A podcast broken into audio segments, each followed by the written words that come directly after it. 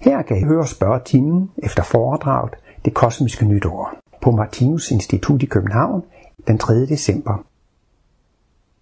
Ja, og jeg er klar til spørgsmål, og I må jo gerne spørge til emnet, og I må også gerne spørge til alt muligt andet, der har med Martinus kosmologi at gøre. Mit navn er Ole Orakelsen, og jeg har svar på alle spørgsmål. Så det er ikke ydmygheden, der trykker mig. Ja, lad os høre. Du var lige inde på, at det er ikke rigtig fat i, at det var Martinus, der var der snakker om noget større kredsløb. Jo, Hvad, hvad, mener, hvad mener han med det? Nå, nej, men det er jo altså spiralkredsløb, som du kender så godt. Jeg forestiller mig bare, at der kom nogen ind ud fra gaden af til det her foredrag, og så som skulle høre om øh, spiralkredsløbet. Og spiralkredsløbet, det er du jo blevet så vant til. Så jeg tror, det er det, at... Øh, men Martinus, han mener bare, at spiralkredsløbet, det er et kredsløb, der er større end det, vi kan overskue med vores fysiske øjne. Altså vi kan jo dog se, der er barndom, og der er ungdom, og manddom, og alderdom, og, og så er der lige en vinter, og så bliver man så født igen, og det kan man da lige lidt der, man ikke kan se. Men vi kan ligesom overskue et jordelivs kredsløb. Vi kan overskue et års kredsløb. Vi kan opleve et dagskredsløb, ikke? Men spiralkredsløbet er så stort, at det kan vi ikke se med vores fysiske øjne. Men nu da du nævner det der, så skal jeg alligevel komme ind på et endnu større kredsløb som bliver omtalt meget let i den kommende femte symbolbog. Der omtaler Martinus, at der findes et kredsløb, som består af syv enheder. Det består af syv spiralkredsløb. Og så siger han så, at hver spiralkredsløb har et organismeprincip. Og øh, den spiral, der ligger over os, det er jordklodespiralen. Den har det mest simple organismeprincip, det er partikel. Jordkloden er jo bare en kugle, det er en partikel. Øh, spiralen ovenover har vi solsystemet, det er jo så et flerpartikelsystem. Og over solsystemet har vi Mælkevejen, vores lokale galakse, og der er jo øh, milliarder af solsystemer, så det er jo et multipartikelsystem. Og øh, Martinus har jo kun beskrevet syv spiraler i første symbolbog. Ikke? Men altså hvis nu man forestiller sig, at man går over galakserne og går op til galaksehobe, det svarer så til det, vi nede i mikrokosmos kan se som atomer og molekyler. Og går vi så endnu højere op, så kommer vi altså i makrokosmos til nogle celleorganismer. Og går vi endnu højere op i makrokosmos, kommer vi til organ.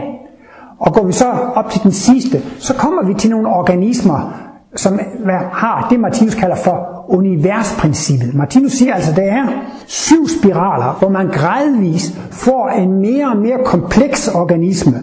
Og vi er som et univers.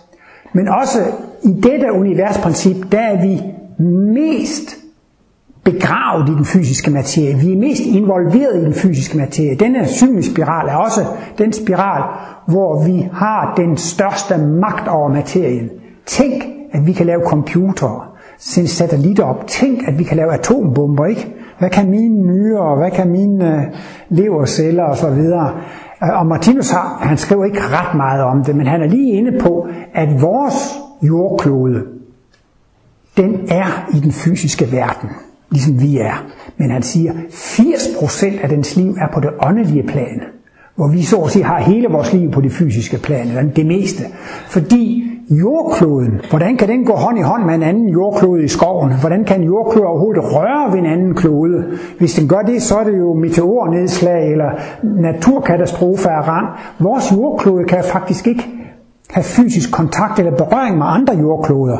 Men Martinus siger, at vores jordklode taler med andre jordkloder af, af, af åndelig vej. Det er jo kosmiske stråler, ikke? Men altså jordkloden er i den fysiske verden, men den er egentlig ikke særlig meget inde på det fysiske plan. Og så efterhånden som organismeprincippet bliver mere og mere komplekst, men Martinus tager det meget summarisk og siger bare, at der findes et kredsløb af syv spiraler, og det er måske nok sådan det lige spørgsmål gik på. Men, men, men I får der som egentlig bare kommer sådan lige udefra, ikke? så er spiralkredsløbet, fordi nu viste jeg jo ikke symbolet, det kunne måske være et behov for. Men I kan alle sammen se det symbol, det hænger dernede over radiatoren. Ikke? Der er to skrå streger, der deler symbolet i to halvdele.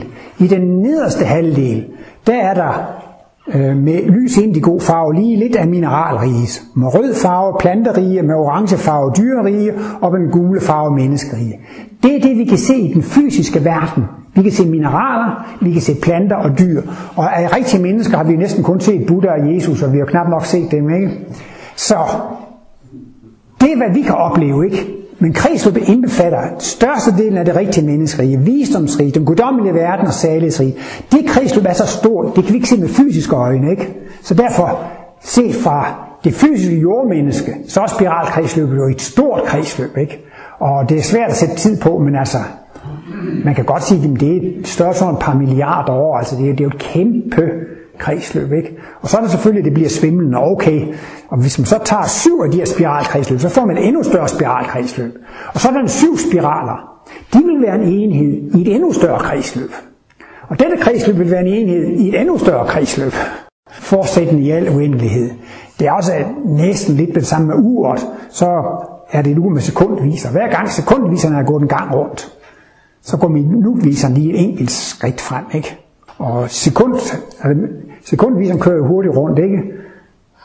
Men alligevel minutviseren på 60 minutter, så får den alligevel kørt en hel runde, ikke?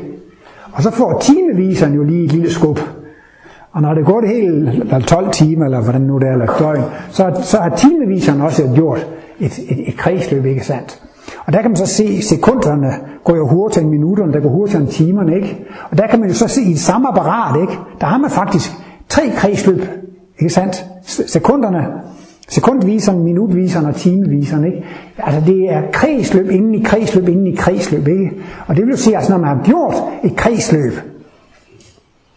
og, og kommet rundt, nu er det gået et minut, der er gået 60 sekunder, nu er det kommet et minut, så flytter minutviseren sig lidt. Og timeviseren flytter sig faktisk også lidt, ikke?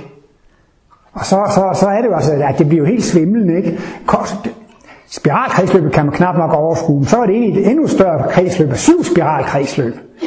Og det er ikke slutningen, det bliver ved, fordi hele universet er opbygget af levende væsener, inden i levende væsener, inden i levende væsener. Celler er i levende organer, der er i levende organismer, der er i levende kloder, i levende solsystemer, i levende galakser, i levende galaksehåben.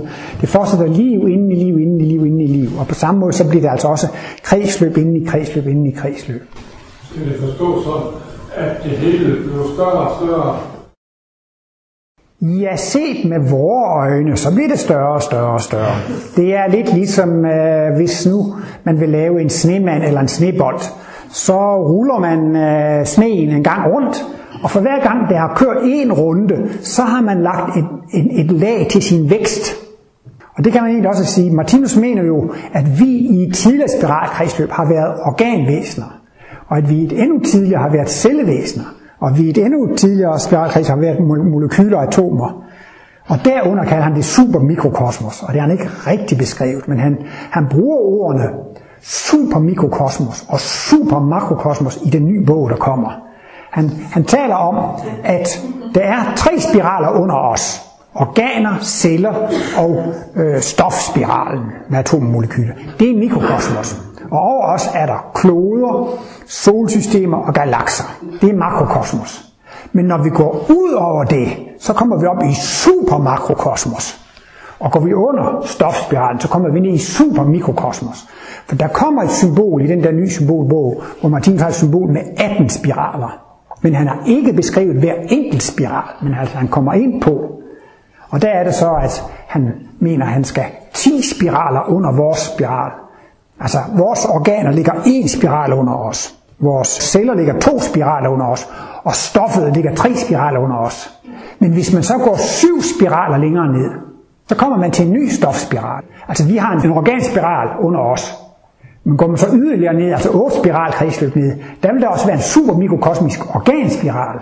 Eller hvis vi nu siger vores celler, de er, det er en cellespiral, der ligger to spiraler under os. Men lægger vi så syv til, så er der også en super mikrokosmisk cellespiral, ni spiraler under os. Og så er altså 10 spiraler under os. Der er der en super mikrokosmisk stofspiral. Og den spiral kalder Martinus altså også for, for, for tankespiralen.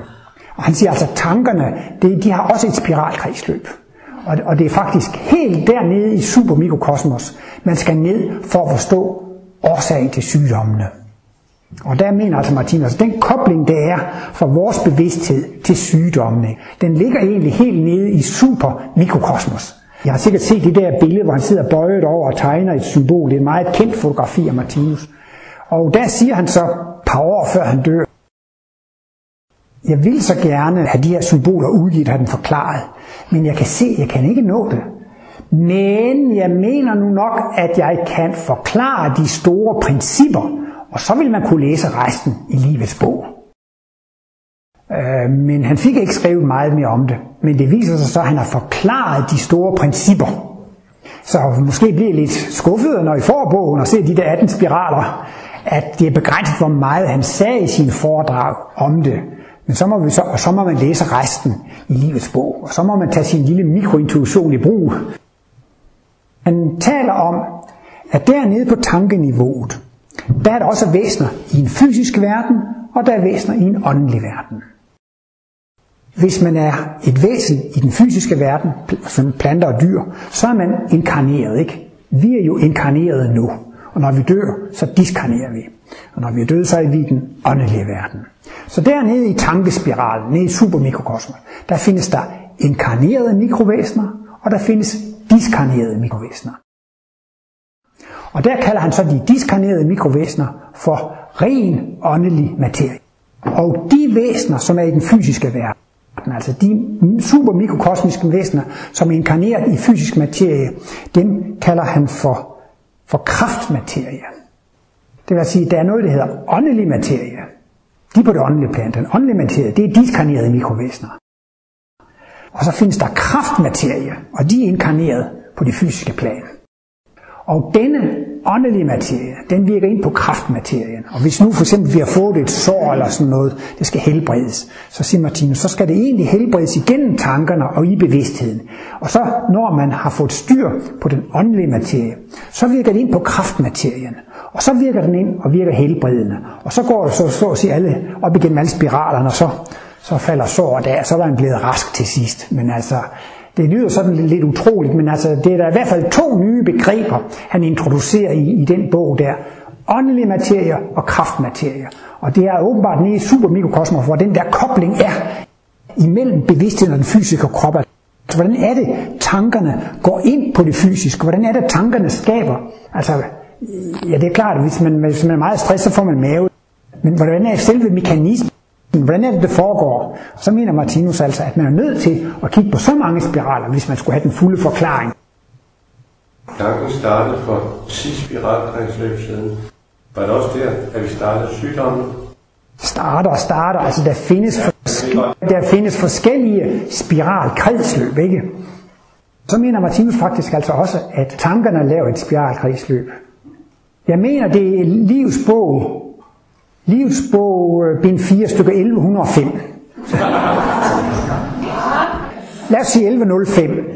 Det er faktisk det eneste i livsbog, hvor Martinus beskriver tankernes spiralkredsløb. Så på en måde skulle man sige, jamen altså på en måde, så er en tanke et levende væsen. Men det er så super mikrokosmisk, så småt, at det er 10 spiraler under os. Og så har Martinus det der udtryk, han siger, at i virkeligheden er noget af tankerne også fysiske. Men det er så super mikrokosmisk for os, at vi kan kun opleve det som åndeligt. Altså når vi, du går tilstrækkeligt langt ned i supermikrokosmos, så er det så småt for os, at selv det fysiske i supermikrokosmos, det virker åndeligt for os. Der var to markeringer, lad os høre dig. Ja, hvis man forestiller sig at gå ned subspiralen ned under os, så skulle man virkelig efter lige kunne se, at finder faktisk i universet planeter og mennesker, der lever på disse planeter. Ja, det er ikke noget, der gentager sig øh, i detaljen, ja. men det er noget, der gentager sig i princippet. Og det man skal sige, hvis vi går syv spiraler under os, ikke, så har vi igen nogle væsener, som er helt suveræne i forhold til den fysiske materie. Han siger, at vi lever i et universprincip. Vi behersker materien med atombomber og satellitter og computer og jeg ved ikke hvad. Så vi, vi, er ligesom, vi er faktisk ligesom guder i et univers. Ikke? Syv spiraler også findes der også nogle universvæsener. Princippet er det samme, men de behøver ikke lige at have to arme og to ben. Altså, Men, men, men, men altså, det er en gentagelse. Sådan siger Martinus, det, der er en gentagelse fra versionens spiral, så møder man det samme. Ikke? Hvis vi går op for vores jordklodspiral en over os, ikke? Så, så er det sådan en slags partikelprincip. Og går man så otte op, jamen så er det også partikelprincip. Og så giver det sådan en lille smule retfærdighed, partikelprincip. Fordi Martinus mener, at man har det samme køn igen et spiralkredsløb, altså en hund i dyreri eller en kvinde. I hele spiralkredsløbet er hund, og så er vi hanner, ikke? Jamen, så får man jo ikke lov til at opleve øh, universprincippet i begge køn. Men så, så er det så heldigt, at det er ulige. Altså om 2, 4, 6, 8 spiraler vil jeg være mand igen. Om 2, 4, 6, 8. Men efter 1, 3, 5, 7, der vil jeg være øh, i det feminine princip. Altså Martinus øh, taler om, at det er et dobbelt kredsløb. Hvis man i et spiralkredsløb er han, så bliver man hun i næste. Og så bliver man midt af det, så bliver man han. Der er jo mange kvinder i dag, de er jo midt af at være passive. De vil jo tage initiativer, og de vil bestemme, og de går til makronerne, ikke sandt? Og så er der mange mænd i dag, de, de er tøffelhelte, og de vil ikke noget, og de gider ikke, og de er bange for, og de er så bløde og venlige og så videre. Og så har jeg sådan her den dårlige vits. Der er også mange mænd, der allerede er gået i gang med at, at, at forberede det næste spiralkredsløb, netop i forbindelse med kugleformen, ikke sandt? Jeg skal nok komme til. Der var flere, der mange. Der var Men princippet, ja. Det, der er noget, der gentager sig der. Men der skal være en variation trods alt, for ellers så bliver det evige liv monotont. Så det er alligevel skruet sådan sammen, at der kommer nye detaljer. Men hovedprincipperne er de samme. Hver spiralkredsløb bliver man 100% egoistisk i dyrerige, og man bliver 100% kærlig i den åndelige verden. Det gentager sig hver eneste gang. Det er ligesom med temaet med kredsløbet. Ikke? Der er sommer og vinter. Det er det samme.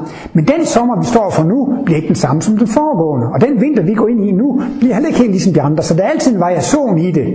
Men princippet det er det samme, sommer og vinter. Vil du sige noget?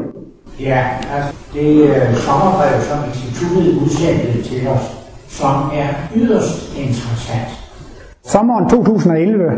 Hvor Martinus kommer ind på menneskets brug af atomkraften, og især også med det der radioaktive atomaffald, som er noget forfærdeligt noget. Ja.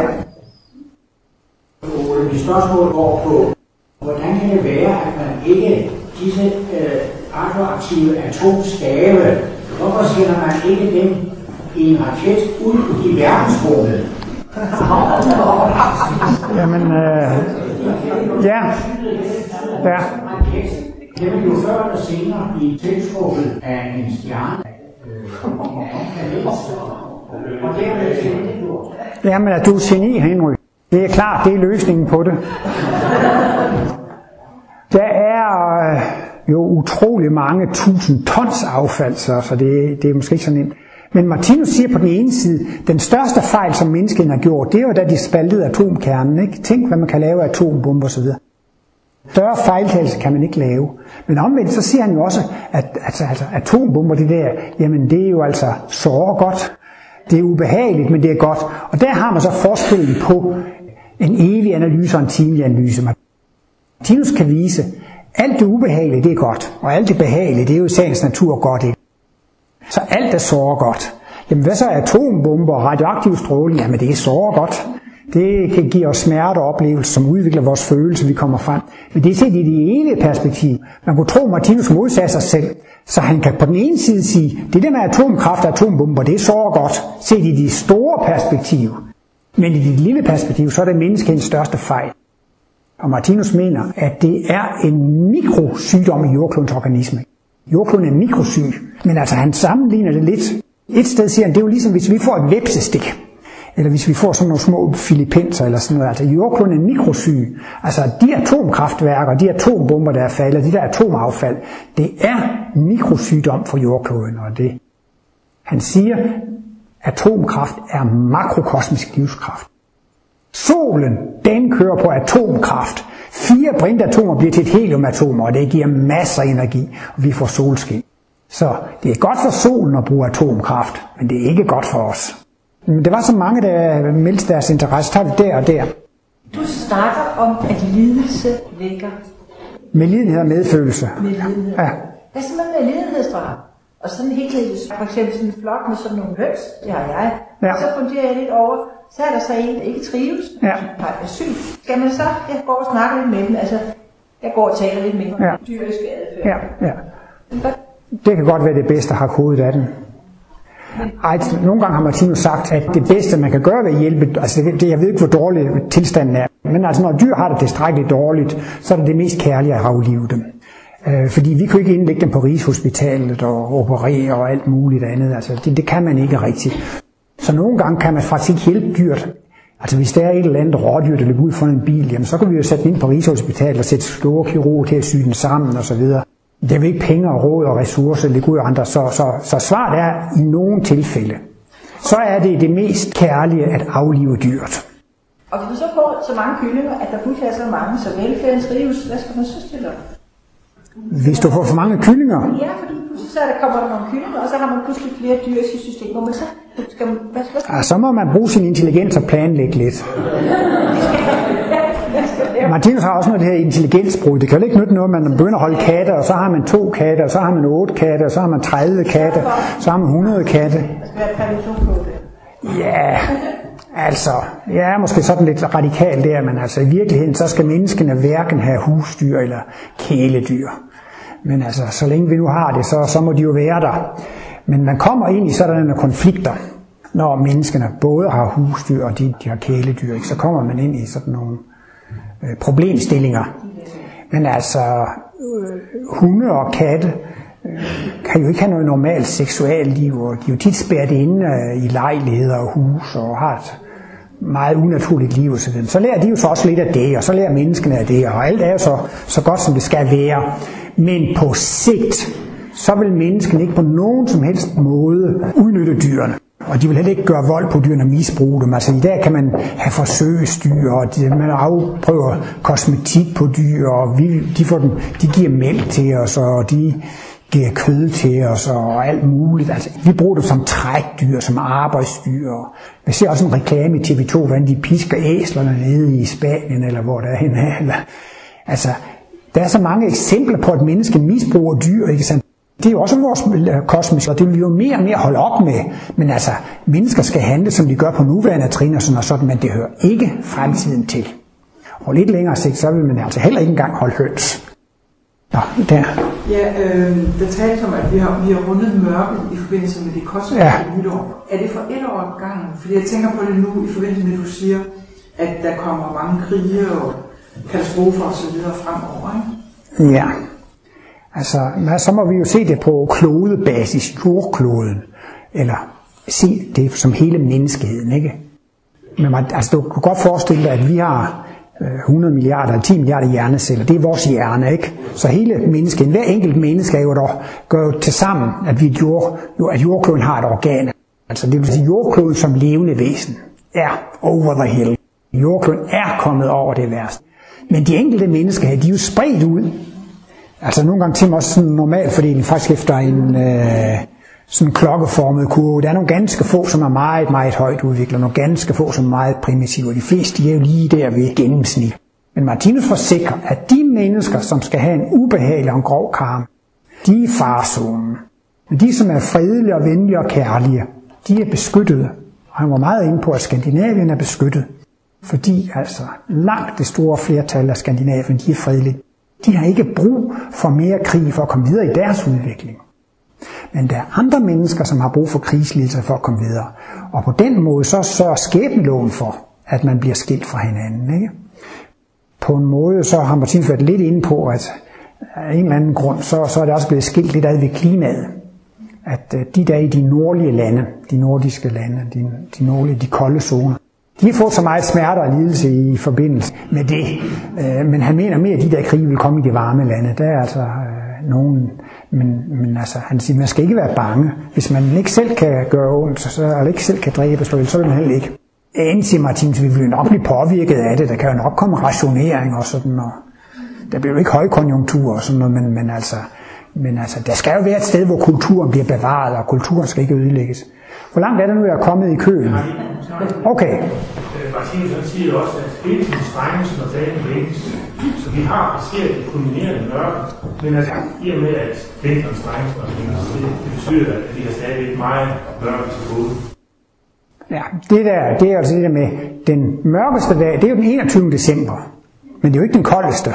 Men virkningen af, at solen er væk, kommer lidt senere. Så selv hen i februar kan det være meget koldt, ikke? Altså der er ligesom sådan en lidt forsinkelseseffekt, så at sige. Og det mener Martinus også, der med udviklingen, ikke? Vi har nogle vaner, nogle dyriske vaner, nogle tilbøjeligheder, ikke? Som kører lidt på automatpilot. Det at blive vred på hinanden, det er ikke en intellektuel præstation. Det går lige af sig selv, så er man vred, og så er man irriteret. Så derfor har vi jo indarbejdet. Martinus siger, at en af de største problemer, menneskeheden har, det er det, at jeg har ret til at give igen. Jeg har ret til at hævne mig. Han vil ikke hjælpe mig, så vil jeg ikke hjælpe ham. Han stjæler af mig, så tager jeg af ham altså. Og det var netop det, Jesus sagde, fader forlad dem, for de ved ikke, hvad de gør. Det var den fuldstændig paradoxale løsning. Velsigne dem, der forbander jer. Altså er det egentlig nogen, der vil tage noget af det, så giver ham lidt ekstra med. Og så, så den effekt kan vi også godt være i nu. Altså vi er over den mørkeste dag, ikke sandt? Øh, men der er stadigvæk nogle dyriske vanefunktioner, og det er stadigvæk noget koldt, ikke? Lidt ligesom det kan være koldt i februar, men solen er ved at få godt magt, og det er jo sådan, det der jo Bjarne eller Martinus pointe der. Men nu var der dig, kan jeg huske, du har markeret flere gange. Det kan kontraster, vi oplever i det fysiske liv. Gentagende, så er det det metafysiske, altså det åndelige svære, eller vi kan jo mærke det. Nej, de er ikke så kraftige på den måde i den åndelige verden. Altså, Martinus har tegnet et symbol, som øh, har symbol nummer 12 i livets bog, der hedder det livet og døden, ikke? Og så er der kommet i øh, fjerde symbolbog, der tror jeg, det har nummer 36. Og øh, det er jo den der med øh, paradiszone og uddrivelseszone. Det er baseret på øh, sult og mættelse. Og så siger han jo så, hele spiralkredsløbet, det er baseret på sult og mættelse. Ikke? Du kan være sulten på den fysiske verden. Det var Adam og Eva faktisk. De kedede sig ved, ved, ved, ved, ved Gud. Og så, øh, vi er med af den fysiske verden og længes efter den åndelige verden. Ikke? Og så siger Martinus, det der med uddrivelse, det er ikke fordi, der står en dørmand eller en udsmider og smider en ud, ud med dig. Men det, der smider en ud, det der diskvalificering, det er ens egen mættelse, man vil ikke være der længere. Så det vil så sige, at spiralkredsløbet, der kan man sige, at der var en, øh, en uddrivelseszone, ikke sandt? Men så siger Martinus, hvert enkelt rige har også en paradiszone og en uddrivelseszone. Paradiszonen er der, hvor man får alle ønskerne opfyldt. Og når de er opfyldt, så bliver man mæt af dem. Men når mættelsen begynder at indfinde sig, så opstår der en ny sult, ikke? Og så kører det. Og her i dyreriget, der er der meget stor forskel på denne sult- og mættelseszone. Den er ikke særlig markant i den åndelige verden.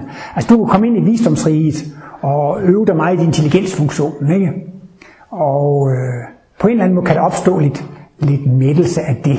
Men altså, det er altså på en måde sådan et meget lille eller et meget mildt mørke, så som mit svar skulle være, altså, at man kan studere det der symbol med, hvor han er gået ind på, at hver enkelt rige, altså spiralkredsløb består af seks rige, og hver enkelt rige har en paradiszone og en uddrivelseszone. Men kontrasterne, de er langt største, og man kan sige, at i dyreriget, der har vi dyrerigets egen kontrast, så at sige, ikke? men vi har også hele spiralkredsløbet. Der findes ikke noget sted i de seks rige, hvor forventningen er så stor. Vi starter faktisk i dyreriget som værende 100% egoistisk. Og vi slutter dyreriget med at være 100% alkærlige. Så i de fem andre riger, der er man faktisk alkærlig. Så, så, så det er ligesom, at vi er også i det rige, hvor der er de store kontraster, men altså også hvor hele spiralkredsløb har sin kontrast. Så derfor oplever vi det noget mere drastisk, ikke? Men alligevel har mennesker i den skønne der siger, jeg gider ikke være skytsengel mere. nu vil jeg... Hvad diskanere, altså det åndelige svære, har, har du så overblik over en helt livsspiral, altså hvor du kan se alle så Normalt ikke, altså Martinus han siger, at når vi er gæster i den åndelige verden efter døden, øh, laborerer eller arbejder vi normalt kun bare med de tre-fire foregående liv. Der kan man sådan arbejde med sin livsplan og sin livsbane.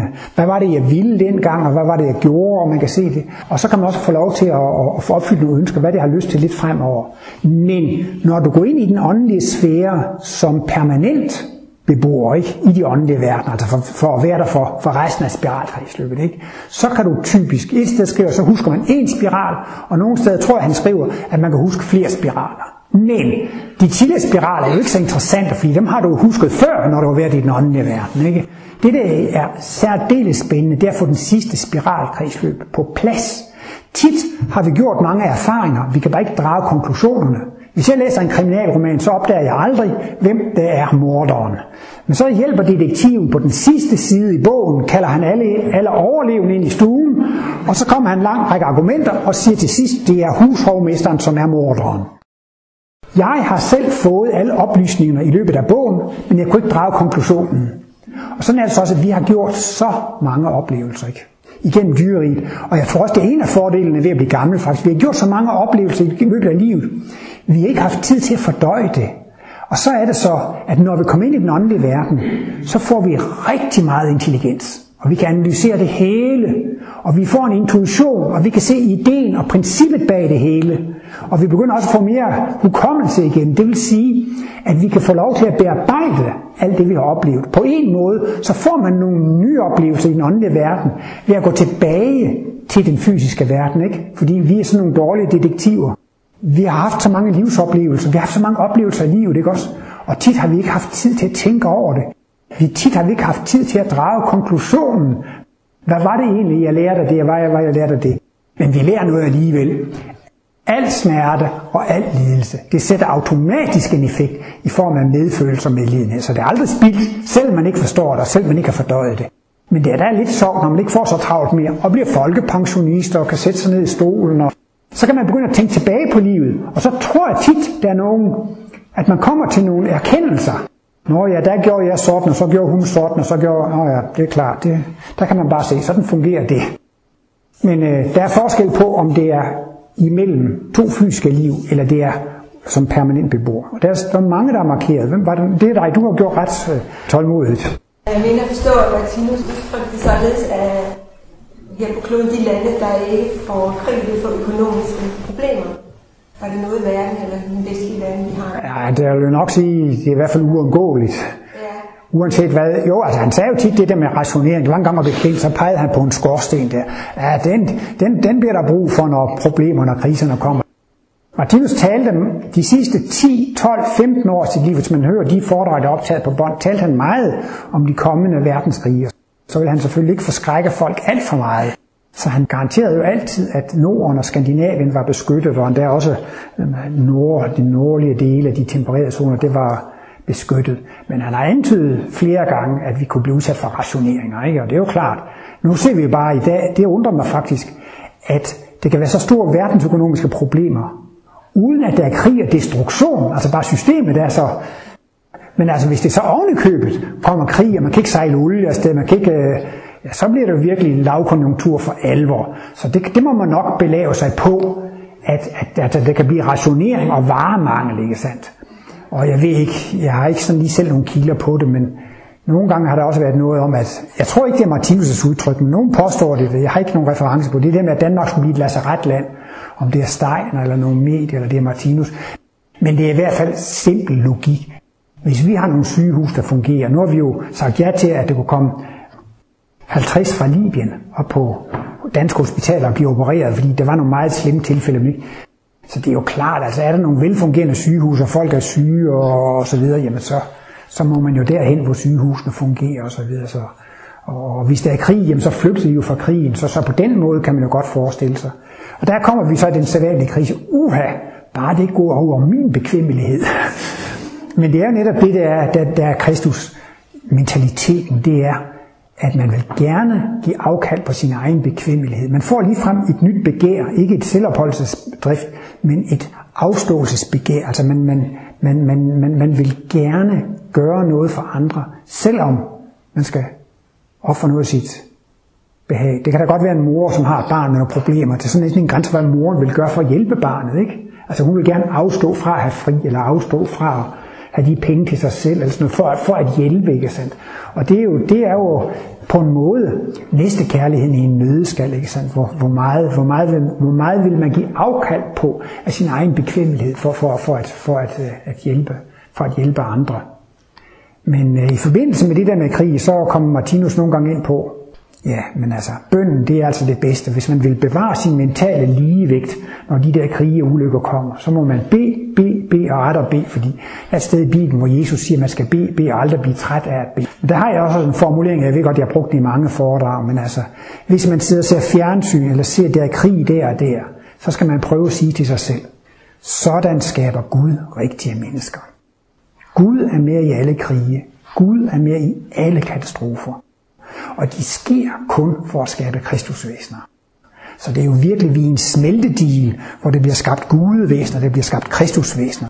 Så, så for at holde de der, man skal ikke gå og være bange og være nedtrykt af krigen, så er det jo, hvis jeg bliver destabiliseret, så er det jo en hjernecelle i jordkloden, der bliver destabiliseret. Ikke? Så det gælder om at holde sig selv på ret køl. Og det må man gøre ved at have Gud med i sit privatliv og se på hele verdenssituationen, hvordan Gud laborerer, hvordan Gud skaber rigtige mennesker igennem kriserne og katastroferne. Der. Vi tager så dig der. Jeg, vil bare lige i forhold til det der med at, at slå ihjel, altså fordi at øh, du, du sagde lige det der med, at, at du opfordrede til at slå en høne ihjel, ja. altså lidt med lidenheds, ja. ikke havde det godt. Men jeg kunne godt tænke mig lige at høre til sådan princippet bag, altså sådan som jeg har forstået det, så skal øh, livet ligesom igennem øh, lidelsen for at forsøge. Ja. Og det gælder vel også for dyrene. Ja. Så i princippet, så, så skal man vel ikke øh, heller slå dyr ihjel. Hvis jeg slår en høne ihjel, så stopper jeg øh, Ja. udviklingen. Øhm, der er jo to ting. Det første er, at Martinus siger, at han kan ikke sige, hvad folk skal gøre. Men man skal selv vurdere, hvad det er det største onde, og hvad det er det mindste onde. Det må man prøve at vurdere. Og når det drejer sig om medlidenhedsdrab på mennesker, så anbefaler Martinus det absolut ikke. Men hvis man har en etlivsteori, så er det jo meningsløst, man skal ligge og plages med smerte og lidelse en uge eller en måned. Det er jo fuldstændig spildt, fuldstændig meningsløst. Man får ikke noget ud af livet, ikke? Men kosmisk set, den smerte, man oplevede den sidste måned i sit levetid, i dette liv, slipper man for i næste liv. Altså, ingen, ja, men så, så kan man også sige, kære venner, jeg vil gerne have, at I udvikler det lidt hurtigere. Nu når foredraget er færdigt, så går vi alle sammen ud og banker hovedet mod muren, og det må gerne bløde og gå rigtig ondt, fordi jo mere ondt det gør, øh, jo hurtigere udvikler vi os. Og her har vi et institut, som ser til, at folk de skal udvikle sig hurtigt som muligt. Det vil sige, man skal ikke opsøge problemerne. Og desuden, så vil det være ukærligt mod det her organ og mod de her celler osv. Man behøver ikke at opsøge problemerne. Man behøver ikke at påføre sig selv lidelse og andre. Og det er i hvert fald ukærligt over for mikrovæsenerne, at man påfører smerter og lidelse, ikke sandt? Men altså mennesker kan man betale, behandle på hospitaler, man kan give dem smertestillende og morfin og så videre, ikke? Men problemet er med den her høne, jeg ved ikke, hvor meget den lider, men på et eller andet tidspunkt, så er jo dyr, de sådan et smertehelvede, ikke sandt? At, at jamen det, er sådan, altså det er jo ikke sådan, at det drejer sig altid om, man skal selv, hvis der er nogen, der er nød og så, videre, så vil jeg gerne hjælpe, ikke sandt? Og hvis man ikke gør det, så får man selv den skæbne, at man ikke bliver hjulpet. Man skal ikke opsøge smerten. Martinus mente da også, at jamen altså, hvis man virkelig havde en bragende hovedpine, jamen, så var det kærlighed mod mikrokosmos at tage noget smertestillende, ikke? Man behøver ikke at være bange for, at man ikke bliver fuldkommen. Livet skal nok servere nok af problemer. Du behøver ikke at være ensig med at sørge for, at dine medvæsener og du selv får tilstrækkeligt mange lidelser. Og jeg tænker bare på princippet bag, altså, så siger han jo, at man ikke skal slå, ihjel overhovedet, ikke? Et dyr, Ja, men det bliver overruled af den her regel, at sjældent er der en god og en dårlig løsning. Nogle gange er der to dårlige løsninger. Så må man vurdere, hvad det største eller mindste onde. Det er et onde at lide, og det er et onde at slå ihjel. Der er to onder. Og så er det så op til ens personlige vurdering. Han har jo engang for eksempel konkret været inde på det eksempel. Hvad nu, hvis et menneske kan reddes ved, at man slår et dyr ihjel? Eller, altså, hvis man på en eller anden måde er i en situation, hvor man har et valg imellem at slå et dyr eller slå et menneske ihjel. Enten eller. Så mener Martinus, at man skal slå dyret ihjel. Fordi mennesker, der er højere udviklet og er kommet længere osv. Ikke? Men altså, det er overrulet. Altså, selvfølgelig skal man ikke slå ihjel. Men hvis man er virkelig i en situation, så egentlig siger Martinus ikke, man må og man skal ikke. Han opfordrer folk til selv at vurdere, hvad er det, det største og det mindste onde i en given situation. Og det kan være, at den hund og den høne har det. Fordi vi vil jo gerne hjælpe dem. Men hvordan kan vi hjælpe dem? Vi kan jo ikke alle sammen indlægge hønsene på Rigshospitalet med den største kirurgi og hjælp osv. Og når man ikke kan det, så må man hjælpe dem på en anden måde. Og nogle gange så kan dyrene have det så dårligt og være i så øh, dårlige omstændigheder, at det mest kærlige er at aflive dem. Så behøver du ikke at være bange for, at de skal få lidelser nok. De inkarnerer igen og får nye lidelser osv. Man behøver ikke at holde dem på de her store maksimale lidelser. Så er det en stor befrielse. Men vi hører dernede først. Det, det kan godt være meget smart allerede. Jeg, jeg synes bare, der ligger sådan lidt, for mig i hvert fald, et, et paradoks i det her med, at nu snakkede vi før omkring, at, at jordkloden som væsen og også som, som menneskehed ligesom er over det Ja. værste, og det går mod lysere sider, men Ja.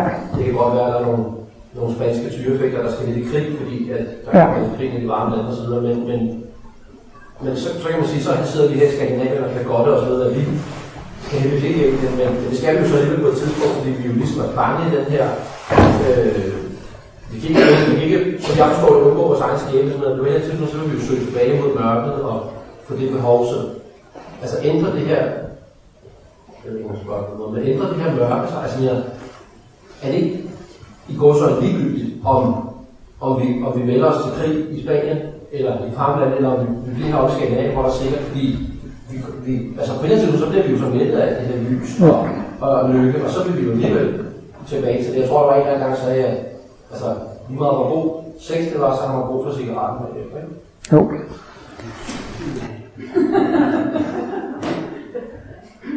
Jeg skal bare lige høre, spørgsmålet er altså kort og godt. Øh, jo, men altså, det er jo... Jeg, jeg skal lige... Det er bare det, er bare det der med, at nu, nu er der flere her i løbet af, af, af seancen her, som har spurgt ind til det her med, at man, måske kommer det til at være... Nå ja, ja, ja, ja, jo, jo. Jo, det, nu, det, det, det, det drejer sig jo lidt også i spørgsmål om individuel karma og kollektiv karma, ikke? Men altså, hvert eneste væsen får lige præcis den skæbne, det skal have. Men nogle gange har man jo levet i et land, hvor de har haft den samme indstilling. Ikke? Det kan være, at alle i det land har haft den indstilling, vi skal have nægerslaver, eller vi skal have kolonier. Eller, altså, der er mange i et land, de har haft den samme indstilling. Nu skal vi give tyskerne nogen på hatten. Eller sådan. Altså, øh, så er det jo klart, at man kan få noget kollektiv skæbne. Ikke? Men selv når krigen kommer, så er det jo nogen fra det ene land, som bliver frelste, og nogen, som alligevel bliver... Så det, man selvfølgelig skal holde fast i, det er, at, at øh, alle får den helt individuelle skæbne, de skal have. Men en anden ting, jeg tror også ligger lidt i din problemstilling, det er det, Martinus siger, man må prøve at skelne imellem evige analyser og timelige analyser. Og i livets bog, bind 4, lige i starten, der introducerer han et begreb, der hedder tankedrill. Fordi det, det er ligesom om, at så kommer man ind, og så kan det hele jo være ligegyldigt, hvorfor sådan og sådan og sådan. Og så er det Martinus siger, jamen, så skal man lige være øh, observant på, om, om, man, om man ser det i et evighedsperspektiv, det store perspektiv. Eller vi ser det her i det aktuelle perspektiv. Ikke? Se det i det store perspektiv. Det er det evige perspektiv. Ikke? Der er faktisk det er altid det samme, for ellers så kunne det ikke være evigt. Hvis der var noget der, så har forandret sig der, så er det jo ikke evigt. Altså hvis det skal være det samme, så kan det ikke være nogen ændringer. Se du fra det evige perspektiv, så er det baseret på sult og mættelse, kredsløb og kontrast. Og når man er færdig med mørkekontrasten, så er det lyskontrast, så er det mørkekontrasten, så er det lyskontrasten, så er det mørkekontrasten, så er det lysekontrasten. Nå, ja, så kan det hele være lige meget. Men altså, det er den evige analyse. Det er set helt overordnet, ikke? Og det er jo vidunderligt. Det evige liv er baseret på, at alle ønsker og længsler bliver opfyldt i al evighed. Ikke? Det er ligesom set i det evige perspektiv. Og det tror jeg, det er det, du er inde på også. At, at du ser også på noget af det på den måde. Men det, det er altså betragtet fra evighedsperspektiv. Det er ligesom et hus, man kan se det fra gavlen og forfra i fugleperspektiv fra gården. Og hvis folk snakker om det, så bliver de jo meget uenige om, at det er det samme hus, vi snakker om. Man skal bare lige være enige om synsvinklen, ikke? Men her og nu, hvor vi lever, så skældner man jo mellem, hvad der er behageligt og hvad der er ubehageligt, ikke? Og hvert levende væsen prøver på at undgå ubehaget og vil gerne opleve behag. Det er faktisk det, der driver hver eneste levende væsen. Og alle levende væsener oplever der er noget, der er behageligt og ubehageligt. Og principielt så er det altså fortiden, man er midt af, det er det ubehagelige, og fremtiden, det er lys, det er det behagelige. Ikke? Og der øh, er vi jo så ved at for Adam og Eva, som er i lyset, sådan set for os. For dem er det lys at få lov til at spise af kundskabens træ og opleve noget, noget nyt, ikke sandt? Og der, som jeg sagde før, den timelige analyse, det er, at der findes noget behageligt, og der findes noget ubehageligt. Det er den timelige analyse. Men så siger Martinus, ja ja, det er klart, det er behageligt, det er jo godt. Men det ubehagelige, det er også godt. Så i virkeligheden, så bliver alt så godt. Og det er så ligesom en formel. Alt er så godt, ikke? Men det er, en, det er jo en evighedsformel. Det er en evighedsanalyse. Der var engang en mand fra Aarhus, som var ude og gå tur med Martinus. Og så spurgte Martinus, Nå, hvordan går det? Og så tror jeg, det var for at være politisk korrekt, eller kosmologisk korrekt. Jo, siger han, det går så godt. Ja, men sagde Martinus, det er jo ikke alt, der er lige behageligt. Så han vidste måske godt, at han havde nogle problemer, ikke? Så, så, så altså, selvfølgelig overordnet set, så alt det så godt, ikke? Men jeg har altså et problem, og jeg er lige syg. Så jeg tror, det ligger lidt i, i dit spørgsmål der, at man lige skal se det i, i det her perspektiv. Men altså med krigene, jamen altså, man, man skal jo have medfølelse med alle, og nogle gange, Martinus siger, det ligger også noget i det, at man skal elske sin næste. Man skal elske dem, der er nærmest. Man skal være god ved dem, der er nærmest. Så findes der nogle mennesker, ja, i Afrika og andre steder, hvad det kan være. Men vi kan ikke gøre noget, og de skal have den skæbne, de skal have. Jamen, så må de jo få det. Martinus sagde, kan man ikke forestille sig, hvorfor kan skytsenglene overhovedet ikke sørge for, at vi aldrig får dårlig karma? Jamen, så kan det jo ikke være udvikling til og så videre. Så, men øh, selvfølgelig skal man jo ikke godt så over, at vi har det godt, og I har det dårligt. Altså, det kan jo også godt øh, øh, afsløre en vis grad af mangel på næste kærlighed. Ja, det er også mere det der med, tror jeg, at, at hvis jeg melder mig til Martinus øh, sommerlejr, og vi kender Ja. det år, og resten af mit liv, så kæmper jeg virkelig for at blive bedre menneske, og med vegetar og spiser nedfaldsfrugter, og hvad ved jeg, alt muligt. Øh, og i, og i øh. Men, men, men, men, så kan man sige, så, så opnår jeg måske mere lys, end hvad en anden person gør. Men det vil jo også gøre, at jeg skal, altså igen i mit perspektiv, at jeg skal ned i noget mere mørke. Altså det du sagde tidligere i foredraget med, at jo mere lykkelig man er stand til jo mere ulykkelig man er. stand til. Jo, jo. Jeg tror måske, det, det var der i det. Ja. Men, øh, jo, jo, men øh, jeg tror også, du lige måske skal det her med, med, med, med, skæbnen eller karmaen ind. Jeg har hørt to historier, og den ene, det var en mand, som gav Martinus øh, økonomisk støtte. Og så blev han syg. Det kunne han jo ikke forstå, hvorfor han skulle blive syg, når han nu var så god ved Martinus. Og den anden, han blev egentlig oversat for Martinus, han blev også syg og fik problemer. Det kunne han ikke forstå, når han nu hjalp Martinus. Ja, men siger Martinus altså, det gode du gør nu, det får du jo karma for af virkninger en anden gang, ikke sandt? Men, men, men de problemer, du har nu, de skyldes jo en karma, du udsendt tidligere, ikke sandt? Så alt det gode, du gør nu, det får du jo virkninger af. Så altså, hvert minut, hver sekund, er vi jo medarbejdere på vores kommende skæbne. Og hvis du eventuelt kom til Martinus Center Klint og fik inspiration til at gøre noget godt, så så du en god sæd, som du vil komme til at høste senere. Men ligesom de der to gode mænd, de kunne ikke forstå, hvorfor de skulle være syge og have de der problemer. Næh, siger man til dem, det skyldes noget andet, du har gjort i din fortid. Det er altså en anden lektie, du ikke har lært endnu. Og det har du så tidligere, det kommer ikke. Det er et banalt eksempel, men jeg synes alligevel, det er, det er sådan lidt, lidt sigende, ikke sandt? Altså, vi har mange forskellige felter at arbejde på, ikke? Og har vi nogle helt ufærdige sider, så vil de blive bearbejdet. Så vil vi blive høvlet eller filet på dem, så, så kommer karmaen på et eller andet tidspunkt, ikke? Men det, der er betydning her og nu, det er, vil jeg fortsætte med at, at, at, at så en dårlig og en god karma? Nogle gange er jeg blevet spurgt, kan man ændre sin skæbne? Både ja og nej. På sigt, ja. Du kan holde op med at gøre det onde og gøre det gode. Så vil den ændre sig på sigt. Men her nu, så kan du jo, hvis der er noget, du kan lære det nu, og kun kan lære det ved at få af grovfilen, jamen så, så må det jo komme. Så på den måde kan du så ikke ændre det. Der var to her, der markerede. Ja, Hvordan? ja. Og så er din formand. Den her bevidsthed, du lige snakker om, Ja. jeg godt gentage, hvad Martinus definerer bevidsthed, men, men han opererer vist ikke med sinden, men, men svarer det til, hvad andre skriver om sinden, hvad Martinus mener med bevidsthed? Det kan jeg ikke svare på. Det kan du ikke svare på. Men du kan svare på, hvad han definerer bevidsthed. Jo, jo, altså han siger, altså det er jo, han har jo måske, øh, Men han opererer ikke med sinden, gør han? nej, han bruger ikke det ord. Nej. Martinus, han har jo, nu jeg, jeg, jeg sløser lidt med det, han, han, han arbejder jo både med noget, en overbevidsthed og en underbevidsthed. Men den underbevidsthed, det er ikke det psykologerne. Altså, altså, faktisk alt i det skabtes verden, alt hvad der har både med fysisk og åndelig energi, det kalder han underbevidsthed. Og så har han overbevidsthed, den er evig og uforanderlig. Og, og, men altså egentlig så er det, det, han kalder for X2, eller overbevidstheden. Det er i virkeligheden en oplevelsesevne og en skabeevne. Og det er i forbindelse med sin omtale af overbevidstheden eller X2, han bare generelt siger, at bevidsthed er evnen til at kunne opleve og evne til at kunne handle. Der er et noget uden for energiernes verden, som har en evne til at bruge energierne, som har en evne til at opleve igennem energierne. Ikke?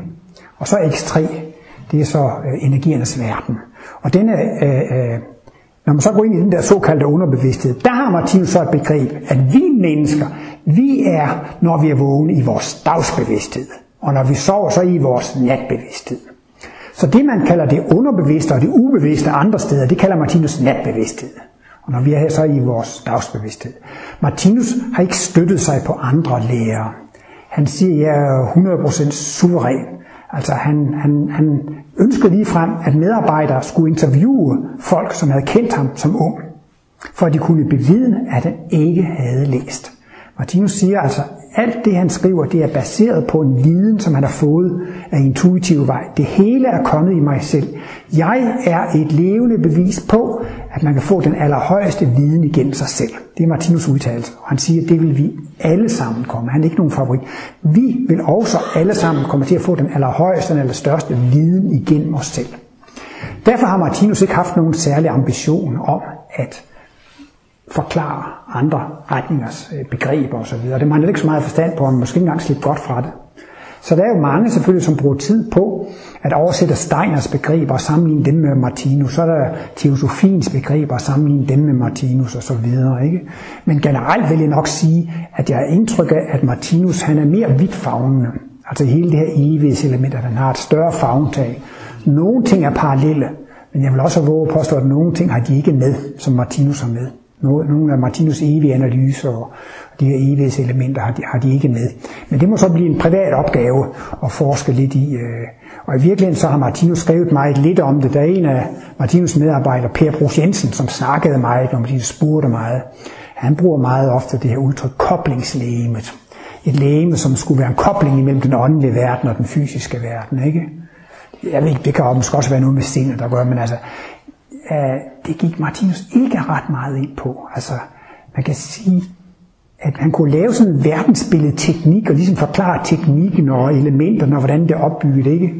Men han gik ikke ret meget ind i den der verdensbilledteknik. Men der er selvfølgelig mange sådan ingeniørhoveder og materialister, de vil gerne virkelig have det sådan meget øh, mekanistisk og meget oversagsværende virkning, så sådan hele maskineriet. Men Martinus har skrevet så meget, som man kan få et indtryk af, at det er logisk, at det, at det virker logisk, ikke sandt? Primært så er Martinus' lære en morallære. Han vil inspirere folk til at praktisere næstekærlighed. Primært var ikke egentlig det, at Martinus skulle kortlægge det levende væsen i alle mulige detaljer og livets funktioner, men at han skulle tage så meget med, at det blev helt klart logisk. Han siger jo, min mission er at, min mission er at vise, at det betaler sig at være god. Sådan sagt med lidt jysk humor, ikke? Og det vil sige, altså, man står så ved, set på den lange bane, at være god, ikke sandt? Men det så argumenterer han sig for, takket være evighedselementet, og reinkarnationen, og skæbnen, og karmaen, og det hele, så kan han vise, at det er det eneste logiske. Så var det dig foran, ja. Det der koblingslæge med Ja, åh, jeg skulle aldrig have nævnt det. Jeg ved det ikke selv. Jeg har ikke læst om det. Det, det lyder spændende. Ja, ikke sandt? Jamen, så må du læse nogle bøger af Per Brugs Jensen. Og, øh, kan du huske, hvor det står? Nej, det kan Henrik fortælle. Ja, altså, Jamen, det er jo lige det store kursus, X1, X2, X3, X4, der har han vel det hele med. I Brugs Jensens bog? Jamen altså, det kunne beskrives mange detaljer, altså, altså det er jo også inden for, sådan er det næsten inden for alle mulige, altså teosofi, antroposofi og spiritistiske kredser, der er nogle klaverjanter, de kan se nogle energier, og de kan se nogle lag, og de kan forskellige niveauer og lag, og de kan se chakra, energicentre osv., ikke? og det går de meget op i, ikke? Men det går Martinus slet ikke op i. Han skriver ikke noget om chakra. For Martinus er det væsentligt, at man øh, vil praktisere næstekærlighed. Og for at praktisere næste kærlighed, så er det ikke nødvendigt at vide, at man har de chakra og de der lag og så videre. Men det er mordeligt interessant, og hvordan er mekanikken, og men så må man jo gå til nogle af de kilder der, hvor man øh, går meget op i den slags ting. Ikke? Jeg tror, det er stykke 224, Martin, der skrev, at vi har bestemte energicentre i vores struktur, ikke mere. Det er det nærmeste, han kommer på at skrive noget om chakra. Ikke? Men for nogle er det jo meget vigtigt, at det chakra der, så skal det chakra åbnes, og så skal det åbnes, og det har den farve og den vibration og alt det der. Det er ikke væsentligt for Martinus. Det, der er væsentligt, det er at elske sine fjender. Han siger, at den absolut og hurtigste vej til indvielse, til kosmiske bevidsthed, det er at elske dem, man ikke kan lide. Altså det er dem, man er uvenner, så det er at, at være god og kærlig over for dem.